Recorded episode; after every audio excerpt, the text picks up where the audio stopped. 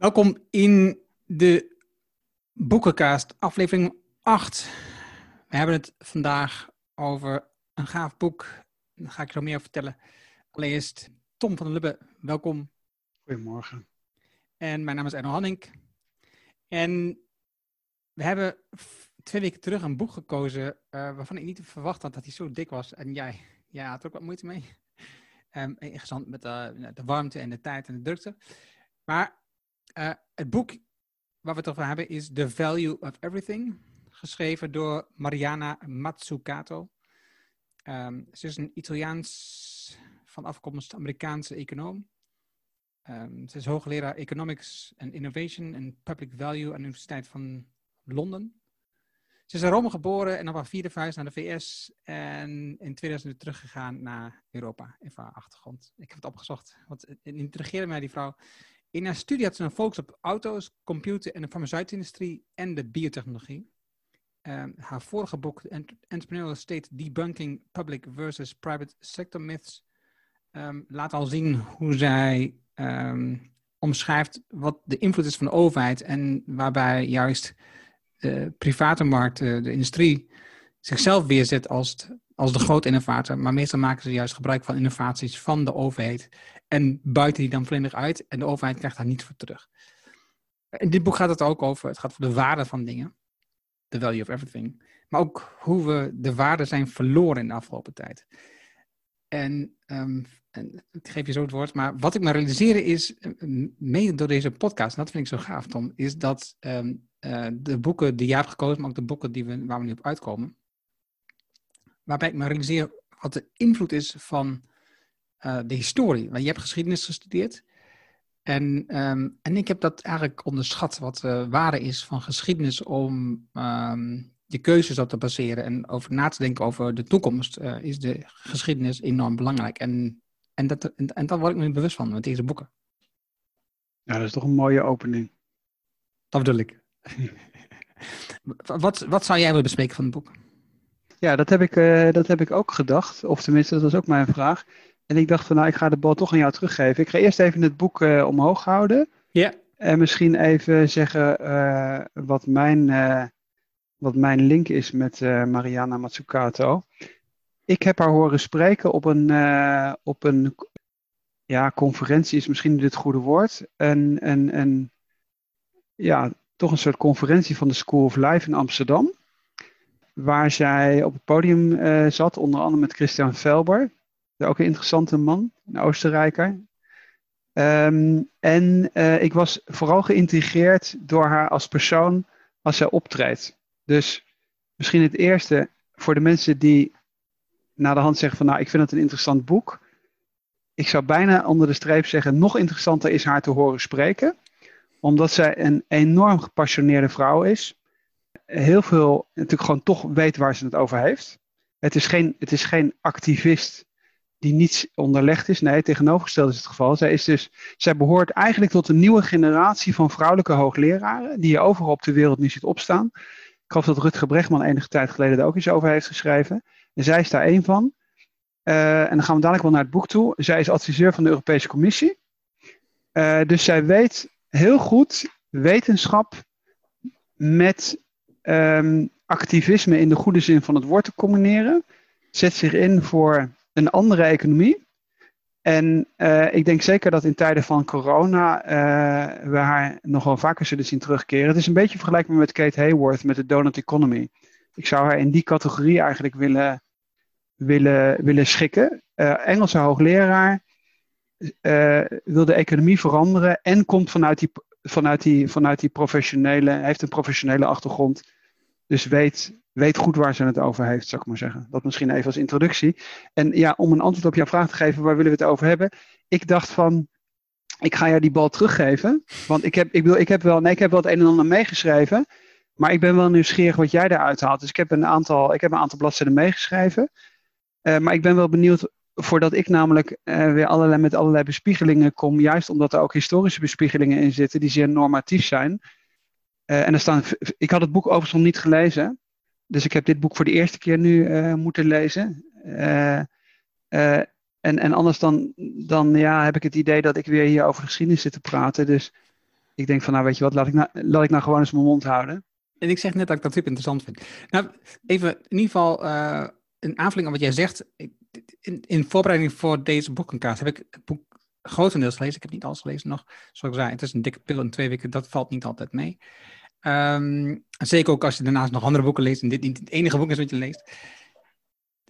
En ik ben ook haar presentaties gaan kijken. Uh, haar TED-talks, uh, bij evenementen, presentaties van een kwartier, presentaties van een uur.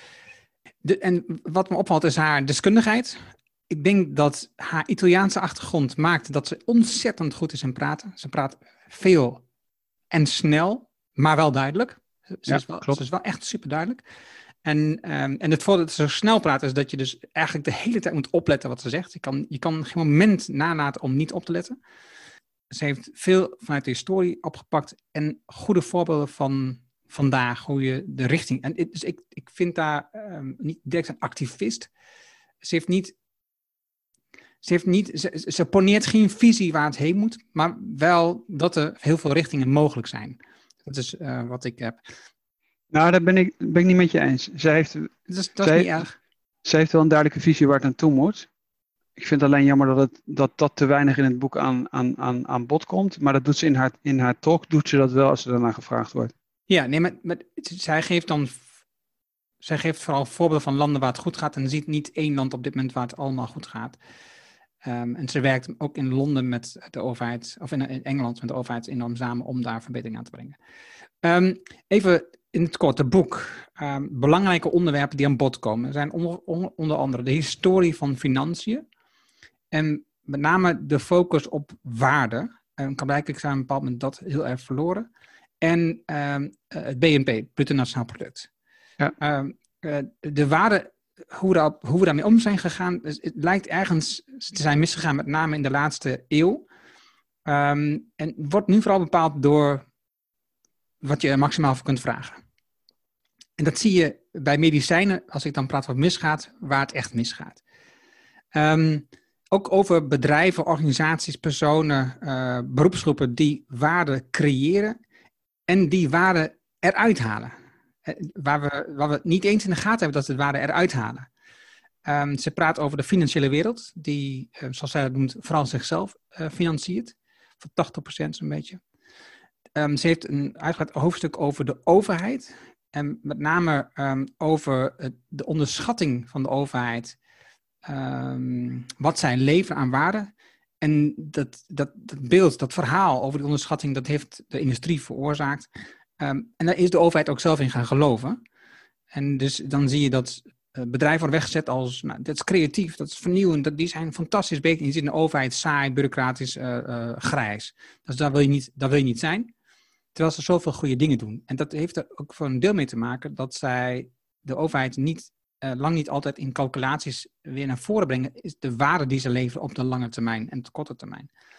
Een positie die ze inneemt, die ik ook interessant vond, is um, dat zuinig zijn vanuit de overheid uh, lang niet altijd het effect oplevert wat ze verwachten. Dat je in de EU. Je ziet dat de um, voorwaarden is gesteld aan bijvoorbeeld Italië en aan Griekenland bij geldverstrekking, dat ze veel zuinig moesten zijn. En, en, en uiteindelijk kukelt ze nog veel verder in de economische malaise. En dan laatste hoofdstuk is de toekomst van de economie.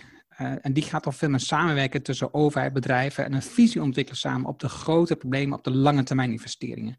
Dus dat is een, een beetje een grofweg waar het boek over gaat.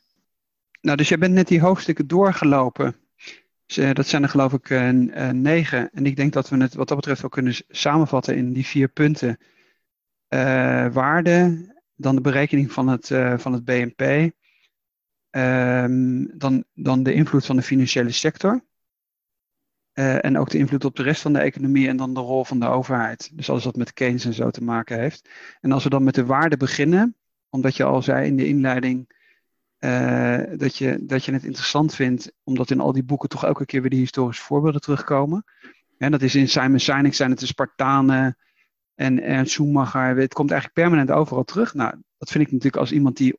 Ik heb niet alleen geschiedenis gestudeerd, maar uh, ik zeg eigenlijk altijd: het is zinvol om met verschillende brillen naar eenzelfde thema te kijken. En dan afhankelijk van wat je gestudeerd hebt, kijk je ergens anders naar. Uh, en, dat, en, en ja, wat natuurlijk vaak terugkomt is het historisch perspectief. of het nou over de Europese eenwording of Europa gaat, het maakt niet uit wat het is. Het is, als je een historische bril opzet, is dat soms zeer verhelderend. Ja. Uh, omdat je dan erachter komt dat in andere tijden uh, op een hele andere manier tegen, tegen vraagstukken aangekeken werd. Dus even nu terug naar de waarde. Voorbeeld dat we soms wel vaker hebben genoemd is um, dat bijvoorbeeld het, het vragen van geld voor het uitlenen van geld, wat wij nu heel normaal vinden dat je daar, dat je daar iets voor vraagt, uh, dat is historisch gezien helemaal niet zo normaal. Wat ik persoonlijk altijd wel aardig vind, is als wij bijvoorbeeld over het over het bankieren in de islam hebben, waar je dus geen rente mag vragen, dat we dat heel exotisch vinden. Nou, dat is dus in de westerse wereld, en dat noemt zij ook als voorbeeld, de katholieke kerk. Dat geldt dus, gold dus exact hetzelfde. Heb ik geloof ik in een andere boekenkast ook al een keer genoemd. Dat je dus vanuit de, het christendom ook eigenlijk helemaal geen vergoeding mocht vragen. En, ze noemt daar zelfs bijbelse voorbeelden uh, voor, hè, van uh, het kruipen door de naald uh, van de kameel, et cetera. En, en de woekerrentes, et cetera. Dus dat hele, dat hele thema waarde, daar gaat ze heel uitgebreid op in. En vanuit een normatief aspect. En het interessante is, dat noemt ze ook, maar dat heeft bijvoorbeeld die Schumacher ook al genoemd, is dat, dat zie je aan de oude leerstoelen, bijvoorbeeld in Engeland, dat heet het political economy. Dus het heet niet economie, het heet political economy. En uh, uiteindelijk is, beschrijft zij ook weer dat economie vanuit een, een, een alfa-wetenschap, een normatieve wetenschap, dat dat, dat dat op een gegeven moment veranderd is in een soort exacte wetenschap. Uh, dat doet ze relatief uitvoerig. En nu doet men alsof de economische wetenschap een soort waarde, dat die waarde neutraal is. Nou, in de coronacrisis komen die thema's allemaal weer terug. Maar je ziet het bij Kate Hayward, je ziet het bij haar. Economie is niet een exacte neutrale wetenschap. Het zijn normatieve keuzes die gemaakt worden. En daar gaat in principe dat eerste gedeelte van dat boek over. Ja, en grappig genoeg, want ik heb hiervoor ook veel verdiept in behavioral economics, noemt Rory Sutherland dat. En Rory Sutherland is de vice-president van Ogilvy in, in Engeland. En um, daarin heeft hij het ook in verschillende presentaties, hij heeft ook in een veel presentaties gegeven, deelt hij ook heel erg gaaf en goed over hoe wij nu, en hij noemt dat dan um, hoe wij enorm gefocust zijn op getallen, economische getallen, cijfers, en die als, als waarheid beschouwen en daar alles op um, vastbinden, alles aan vastbinden. Terwijl hij zegt ook, daarmee verlies je ontzettend veel kansen om dingen op een andere manier te pakken, als je die, als je die getallen meer zou loslaten. Dus, dus voor mij kwamen dat soort dingen ook echt heel erg samen uh, op dit moment. Ik weet niet waardoor, maar goed.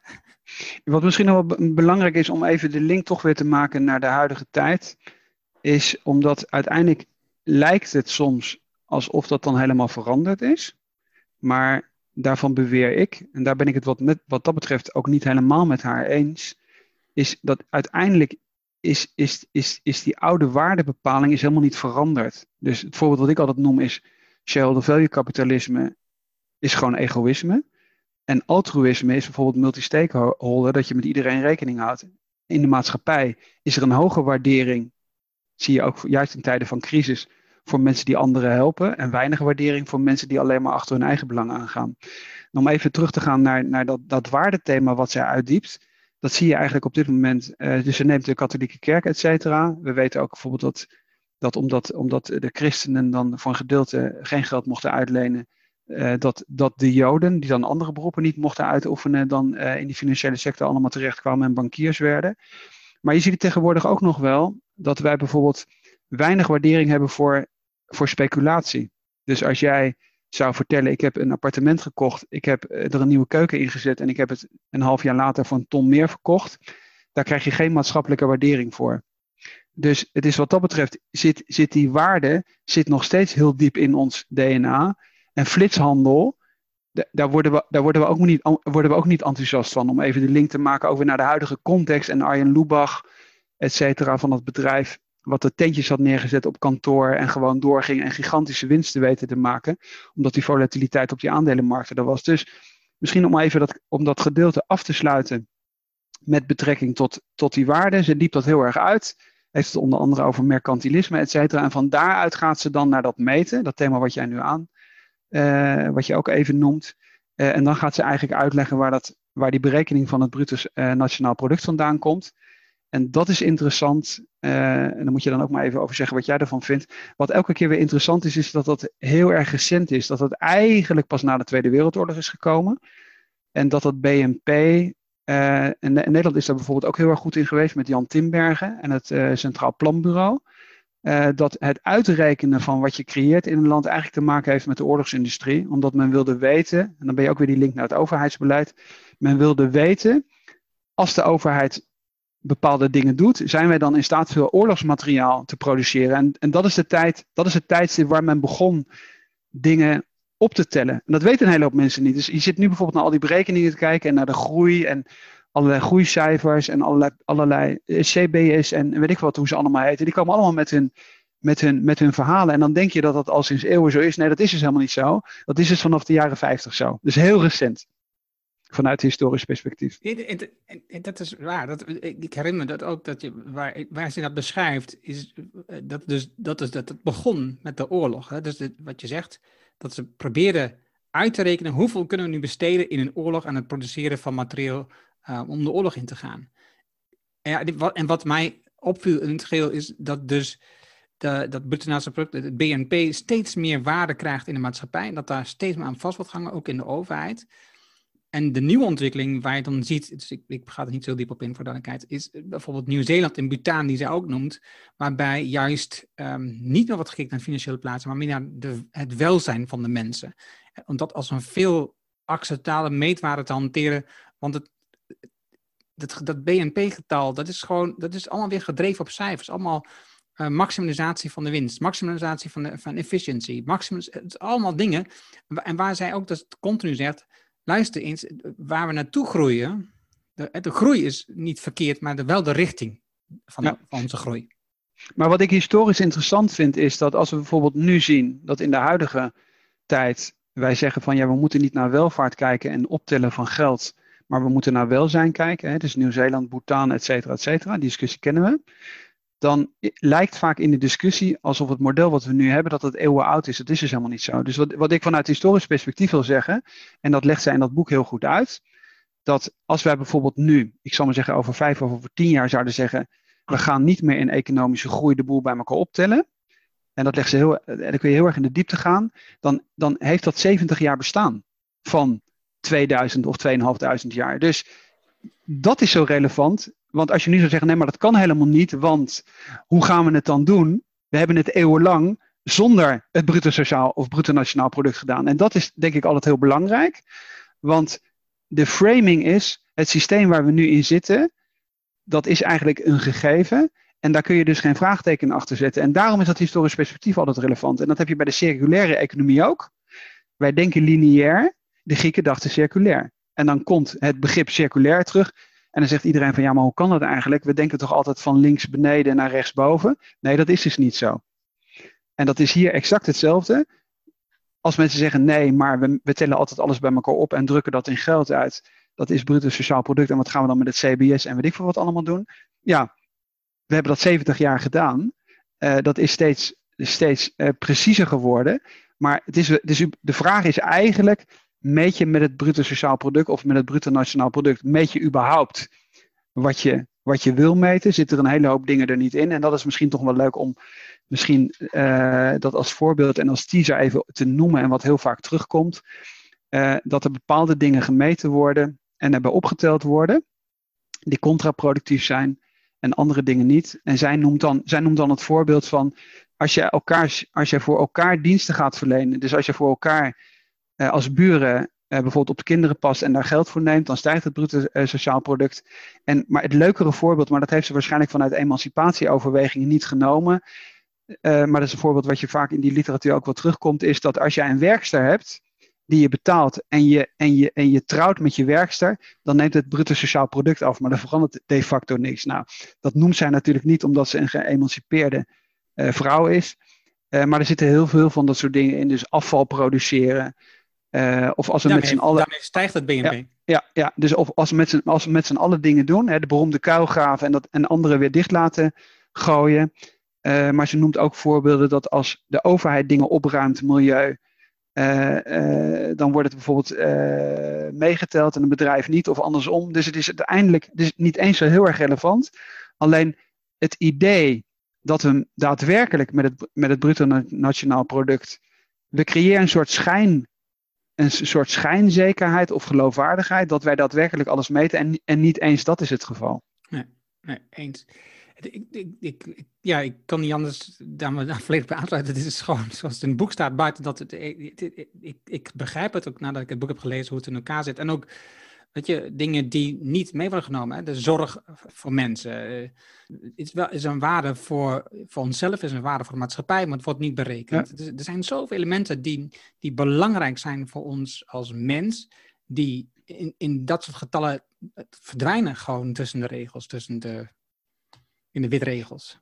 Nou, tegenwoordig zou je zelfs kunnen zeggen, omdat bijvoorbeeld dat vrijwilligerswerk enorm is, heeft, uh, is toegenomen, als je alleen al zou zeggen het geregistreerde vrijwilligerswerk zou je kwantificeren en erbij optellen.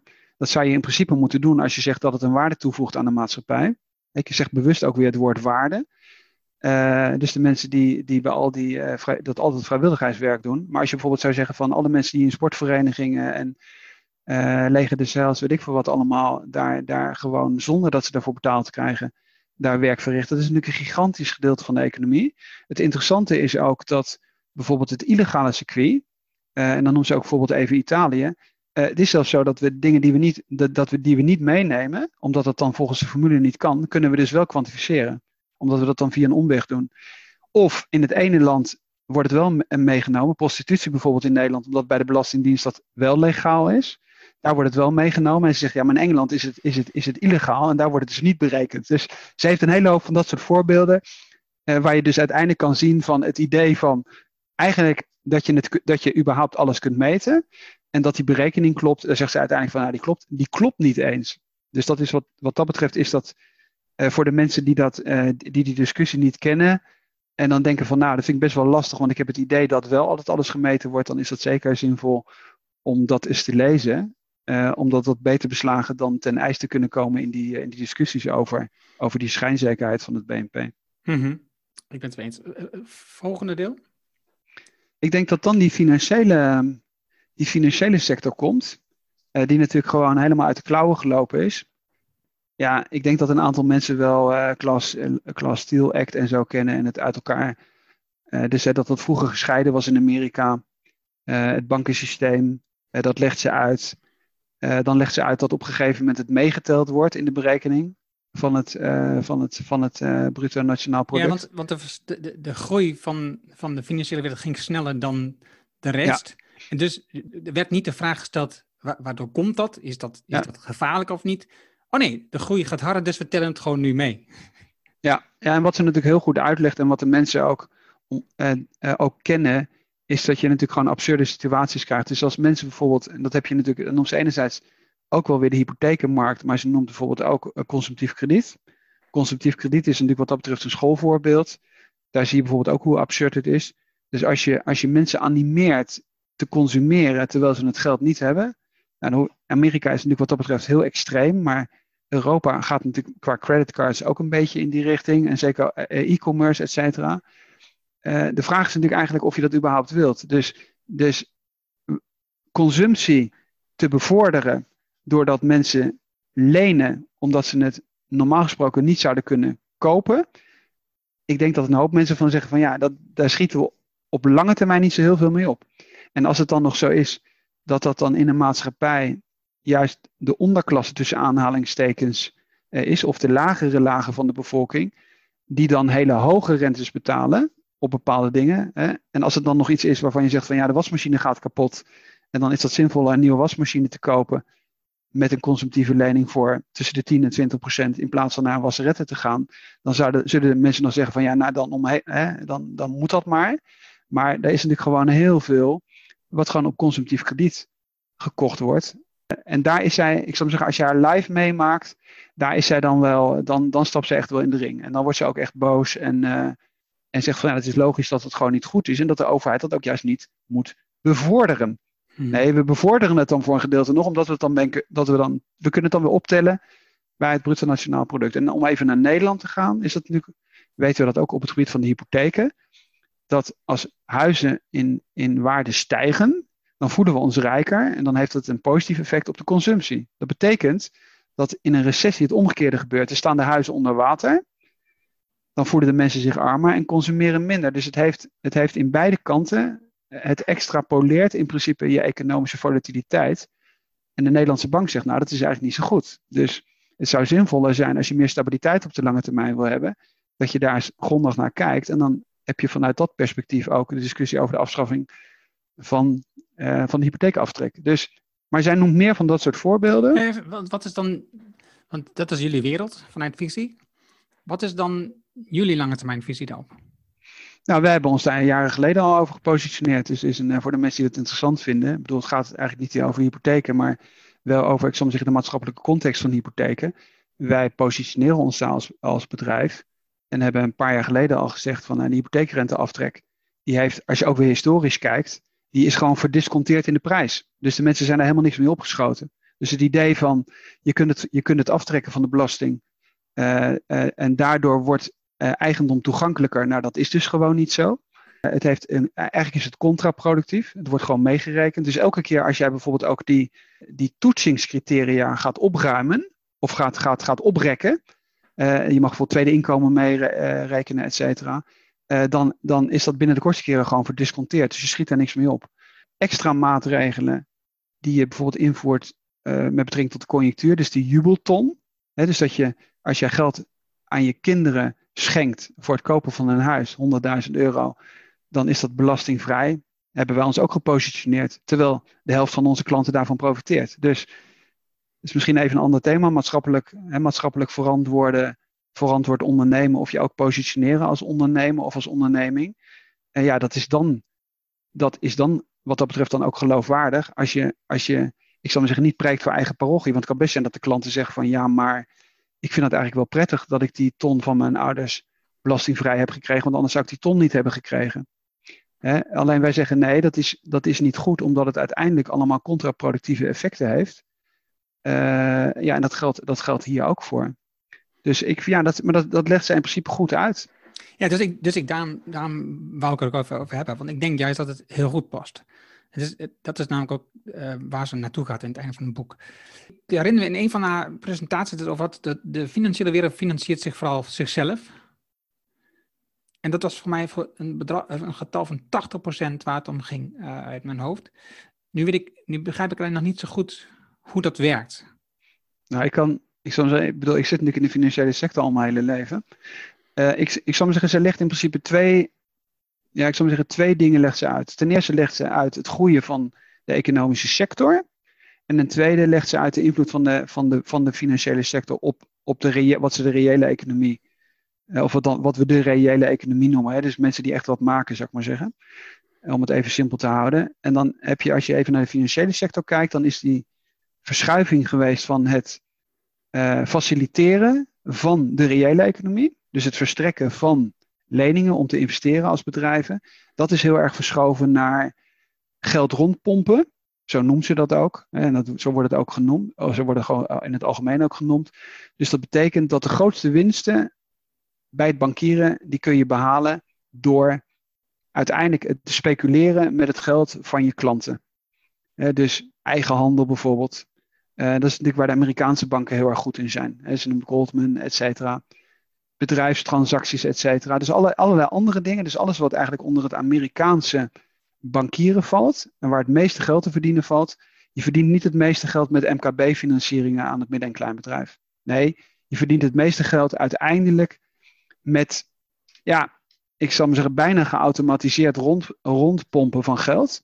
Ja, dan ben je dus bij de handel. Dus, hè, de VPRO tegenlicht heeft over dat soort dingen voldoende documentaires gemaakt voor de mensen die dat interessant vinden. Nou, dat is dus je gaat heel veel, heel veel geld ga je verdienen, terwijl je eigenlijk externe klanten in de, in de oorspronkelijke zin van het woord, de retail klant, de particulier, waar je voor zorgt, of het, het, het MKB-bedrijf wat je faciliteert in de groei, uh, dat, is, dat is veel minder interessant. Dat is wat zij uitlegt. Mm dat is dan die financiële sector. En dan legt ze, legt ze in dat andere hoofdstuk legt ze uit om het ook meteen weer even heel praktisch te maken. En ze bijvoorbeeld Ford is daarmee begonnen.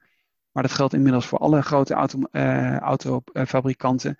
Dat je met, het lease, met, het, met, met, met de lease-tak van, van, van, van de autoproductie, of van de, die, die autobedrijven, die verdienen daar meer geld mee dan met die auto's zelf. Nou, dat noemt ze dan het, uh, ik vind het een lastig woord, uh, financialisering. Dat zal in het Engels waarschijnlijk makkelijker uit te spreken zijn van de reële, van de reële economie.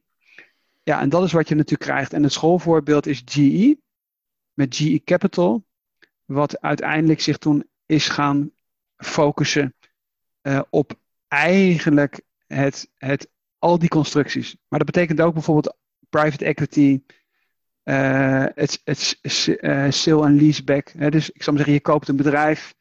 Vroeger de MKB-ondernemer die zegt van nou weet je wat, dat staat gewoon op de balans. Mijn, mijn fabriek of mijn kantoor, dat probeer ik af te lossen. En dan, dan is dat gewoon een appeltje voor de dorst of een soort buffer. En dat wordt allemaal gefinancialiseerd in de zin van, er komt een externe partij die zegt, weet je wat Erno, jouw MKB-bedrijf, ik zie jij hebt daar een kantoor wat, waar je eigenaar van bent. Dat gaan we verkopen en terughuren. Sale en leaseback. Nou, dat soort dingen legt ze allemaal uit. Maar dat is uiteindelijk dat, dat al die bedrijven, daar gaat het veel minder om. Ben ik eigenlijk op lange termijn bezig met investeren, met innovatie? Of ben ik eigenlijk alleen maar permanent aan het financieel optimeren van alles? En dan kom je ook weer bij de discussie: hoeveel dividenden worden er eigenlijk uitbetaald? Uh, hoeveel aandelen worden er teruggekocht? En dat laat ze eigenlijk zien. En dan laat ze eigenlijk ook zien, dat zijn een paar hele goede grafieken die erin zitten. Dat vind ik eigenlijk, eigenlijk jammer dat er niet meer van die grafieken in zitten. Dan laat ze eigenlijk zien dat er de facto onder de streep eigenlijk niet meer geïnvesteerd wordt. Ja. En dat zijn, dat zijn dingen waar andere mensen ook al over hebben geschreven. Maar je ziet dat naar verhouding, zie je dat weinig terugkomen in de, in de discussie. Dus we hebben het wel over hele grote winsten. Maar uiteindelijk zie je dat niet zo terugkomen. Dat is eigenlijk een interessantere discussie dan de beloning van de CEO's, die daar dan wel aan gekoppeld is. Uh, maar je hebt bijvoorbeeld hier in het Nederlandse boek is het bladzijde 206. Dat is het percentage wat geïnvesteerd wordt, bijvoorbeeld weer in nieuwe groei. Dus hier is dan bedrijfsinvesteringen in de Verenigde Staten als percentage van het BBP. Eh, maar je hebt ook de investeringsquotes van niet, niet beursgenoteerde versus beursgenoteerde bedrijven. Dan ben je in principe weer bij dat thema. Dat die beursgenoteerde bedrijven, dus in tegenstelling van wat wij denken, die investeren dus minder dan niet beursgenoteerde bedrijven. Nou, ik denk dat dat wel zeer interessant is. Uh, en dat is, dat is het grote probleem. Of hoeveel procent terug wordt gegeven, bijvoorbeeld van de winsten aan de, aan de aandeelhouders. Ja, en dan ben je natuurlijk in de actualiteit weer terug bij de ABN AMRO van gisteren. De ABN AMRO neemt afscheid van hun, hun, uh, alles wat buiten Europa plaatsvindt. Ja, en, en het aandeel stijgt met 8%. Waarom? Omdat het op korte termijn voor de aandeelhouders geld oplevert. Lange termijn is het natuurlijk een drama. Ja, en dat, ik herinner me ook dat stuk van dat uh, opkopen van je aandelen voor, van, van dat soort beursgenoteerde bedrijven, waarbij dus um, winsten worden geïnvesteerd in het opkopen van hun eigen aandelen en dat komt ten goede van de waarde van het aandeel. En daarmee dus ten goede van de opties van uh, de top van het bedrijf. En het is allemaal korte termijn gedachten. En dus, dus het bedrag wat ze van de winst nog investeren in groei, dat, dat heb ik ook uit haar verhalen en ook uit het boek gehaald. Dat is, dat is minimaal. En uiteindelijk, diezelfde bedrijven, die hebben dus jarenlang niet anders dan profiteren van investeringen die de overheid heeft gedaan in ontwikkelingen die zij nu gebruiken. Ehm, kijk naar Apple. De iPhone, de iPad, uh, allemaal zoals ze noemen, slimme apparaten. Als de overheid er niet van had geweest, of ze die uh, spullen niet mogen dan waren het gewoon domme apparaten geweest. Die, en diezelfde bedrijven, die doen niet anders dan hun aandeelwaarde laten groeien, verplaatsen hun, hun inkomen naar landen, zodat ze geen belasting betalen, en dus het maximale zelf kunnen behouden. Terwijl de, de winsten waar ze op draaien nu zijn niet eens door hunzelf veroorzaakt. Hè? Er zijn er gewoon, de, kern ligt ergens anders. Het is zo'n scheef systeem. Dat is in principe, dus wat jij nu beschrijft, is de inhoud van het boek waar ze bekend mee is geworden. Waar ze bijvoorbeeld, en dat is omdat iedereen natuurlijk een iPhone heeft, of bijna iedereen, laat zij gewoon zien dat de technologie die er eigenlijk onder ligt, dat dat, vaak is dat overigens zijn dat defensieuitgaven. Dus eh, GPS, dat weten de meeste mensen wel dat het uit het leger komt. Maar touchscreen, alles. En ze legt dat soort dingen heel goed uit. en, en, van de, en het andere grote voorbeeld wat ze altijd noemt is de farmaceutische industrie. dat iedereen natuurlijk weet dat basisonderzoek uiteindelijk aan de universiteiten in laboratoria plaatsvindt. Dat het allemaal overheidsgeld is. Ja, en dat je dan naar de hand patenten erop zet. terwijl dat betekent niet dat je dat laatste gedeelte van dat medicijn niet in een, in een farmaceutisch bedrijf hebt uitgevonden. Alleen het hele brede het hele brede onderzoek uh, wordt met overheidsgeld uh, gefinancierd. In Nederland heb je dat met ASML bijvoorbeeld uh, dan ook wel gehad. maar je kunt het natuurlijk wat dat betreft nog veel breder trekken. Je kunt ook zeggen, iedereen die in die bedrijven werkt aan de hand. Als ik nou even bijvoorbeeld de academische opleidingen neem. Die hebben, je kunt ook heel simpel zeggen, als, we, als de mensen het onderscheidende vermogen is voor innovatie. En de mensen gemiddeld met 25 beginnen te werken. Dan is die eerste 25 jaar investering is gedaan door de overheid met belastinggeld. Dus je kunt dat veel breder trekken. Dat geldt ook voor de marketingafdeling. Dus dat geldt niet eens alleen voor het uitvinden van een touchscreen, voor een Apple. Nee, eigenlijk, eigenlijk geldt het voor elk bedrijf. Dus elk bedrijf dat werknemers heeft, haalt die mensen niet binnen op het moment dat ze geboren zijn en zegt dan: Ik, ik ga je 25 jaar lang betalen voordat, ik, voordat je, ik jou in kan zetten. Nee, je zegt in principe: ik, ik, ik heb hier een bedrijf en ik neem mensen aan die 25 zijn en waar de overheid al 25 jaar in geïnvesteerd heeft. Om het nog veel, om het nog veel absurder te maken. Maar dat zie je ook in bedrijven als Amazon. Die maken gebruik van de infrastructuur die er ligt, eh, wegen, uh, treinen. Omdat die allemaal aangelegd door de overheid. Je ziet het in uh, Tesla, Elon Musk, die met zijn bedrijven 1 miljard leningen heeft van de overheid, waar bijna geen voorwaarden aan zijn gesteld. En als, als dat wel wordt gedaan, nu van suggestie wordt gedaan, wordt erom gelachen maar diezelfde Elon Musk die gaat uh, de wereld over prat uh, dat hij dus een fantastische innovator is, geweldig idee heeft en de grootste ideeën die hij heeft, die, die komen gewoon van anderen. En worden ook nog gefinancierd door de overheid. En uiteindelijk plukt dus de aandeelhouder, mensen die alleen maar geld rondpompen, die, die plukken daar dan de vruchten van. Ja, dus wat dat betreft heeft ze een hele normatieve ik zou zeggen, de inleiding van het boek is heel normatief en, en uh, heel erg in een soort aanvalshouding. Het boek zelf is tot het laatste hoofdstuk eigenlijk relatief neutraal beschrijvend. Natuurlijk wel automatisch ook met een waardeoordeel verbonden, want ze kiest natuurlijk uit waar ze over schrijft en wat, welke informatie.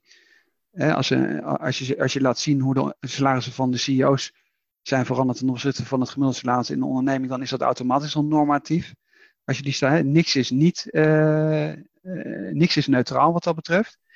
Um, uh, maar ik denk zeker dat het, dat het zinvol is, is daar wat duidelijker naar te kijken, omdat er gewoon een hoop dingen effectief niet kloppen.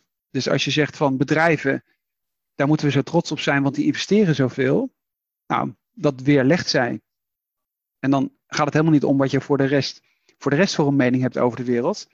Of als je zegt van factor tussen een, een gemiddeld salaris en het salaris van een CEO heeft zich heel erg veranderd in de loop van de tijd, dan is dat een statistiek. En dan kun je daar naar de hand wat van vinden. Maar het feit is eerst dat in Amerika nu bij een factor 300 ligt en dat dat 50 jaar geleden niet zo was.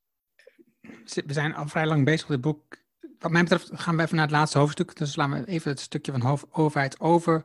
Het is een super interessant hoofdstuk, uh, dus lees dat. Maar laten we even naar het laatste hoofdstuk gaan. Wat, wat, wat, is, het, wat is de toekomst? Wat is, het, wat is de volgende stap?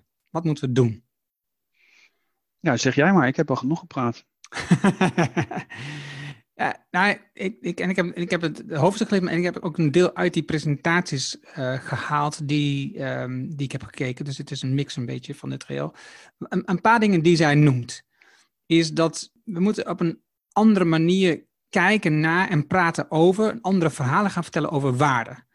De waarde in sectoren, de waarde van de overheid, um, zodat niet meer de, de overheid en overheden uh, worden weggezet als dat zij geen waarde toevoegen, maar alleen maar een kostenpost zijn.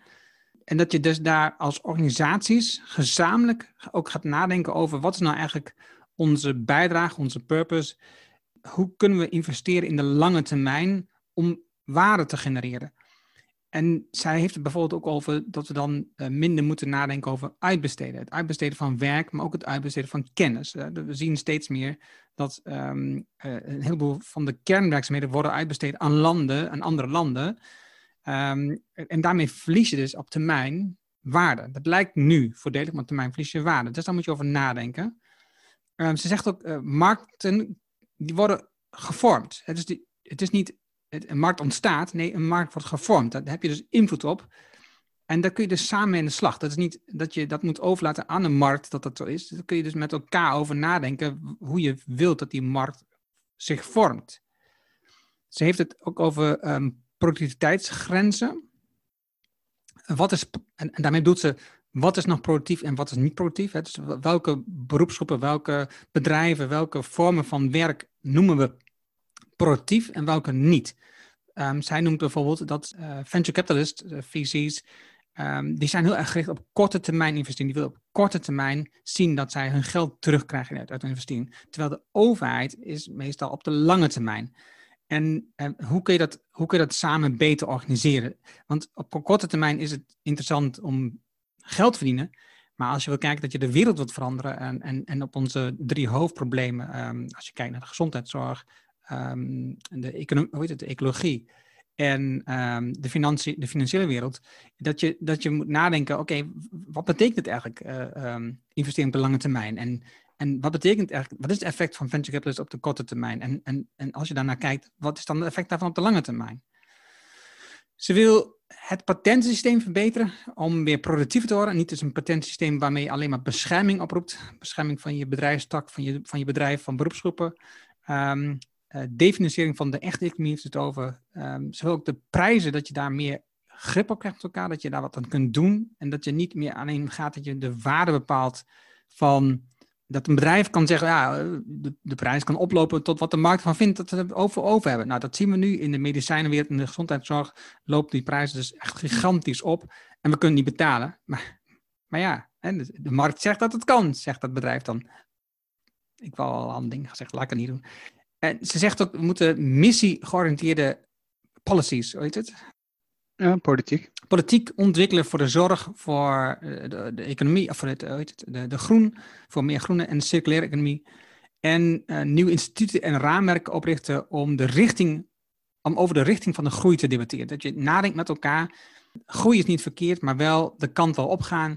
En wat is dan de kant waar we naartoe moeten? Dat is in de kern wat ik heb um, gelezen van nou ja, uh, het verhaal, maar ook het presentatie gehad. En dan heeft het nog over het delen van risico's en uh, beloning, herinvesteren van winst, behouden van de gouden aandeel. Nou, daar heeft ze een aantal dingen opgenoemd. Dus het is een kort hoofdstuk, super interessant. Um, en als je dan haar presentaties daarnaast ook nog bekijkt en haar verhalen in volgt, dan denk ik dat je veel kunt halen uit um, wat jij daar als ondernemer, als, als bedrijf, als persoon aan zou kunnen doen om daar een bijdrage te leveren. Ik denk dat je daarover moet nadenken. Um, ik ben eigenlijk altijd heel afstandelijk geweest richting de overheid, in, in, in, het bureaucratische denken, ook in het financiële sector. Maar ik zie nu, um, mede nou, de, de, deze verhalen, wat, wat de correlatie is tussen wat daar gebeurt en wat ik elke dag aan het doen ben. Uh, wat ik, wat ik, uh, ik zou zeggen, dat laatste hoofdstuk heet De Economie van de Hoop. Het boek heeft 300 uh, eh, bladzijden en dat zijn er 10. En uh, mijn, indruk, mijn, mijn indruk is, en dat vind ik eigenlijk het grootste kritiekpunt aan het boek, dat je moet wel heel erg geïnteresseerd zijn in al die dingen die we nu besproken hebben om het boek te lezen. En ik vermoed dat ze met een volgend boek komt, wat de economie van de hoop heet. En, en uiteindelijk is het, ze is eigenlijk is ze een moderne Keynesiaan. Uh, dus, dus ze is voor actief overheidsingrijpen om de samenleving rechtvaardiger te maken, dus minder vermogensongelijkheid sterker regulerend op te treden. En, en wat je tegenwoordig natuurlijk ziet, terug ziet keren is een soort groene nieuw deal. Ze zegt eigenlijk de overheid zou moeten ingrijpen.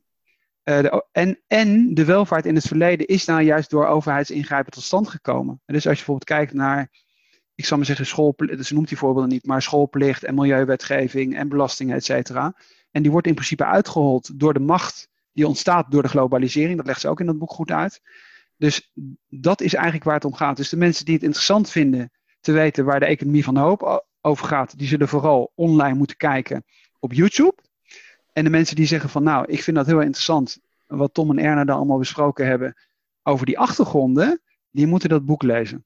Dat zou een beetje mijn, mijn, uh, mijn conclusie zijn. En ik verwijs nog even, wij, doen best wel veel, omdat je ook even hebt aangesproken van ja, als organisatie of als bedrijf. Uh, uh, we hebben in het verleden Laura van Geest, toen ze directrice was van het Centraal Planbureau, uitgenodigd voor een zogenaamde visietalk. Die kun je gewoon online googlen.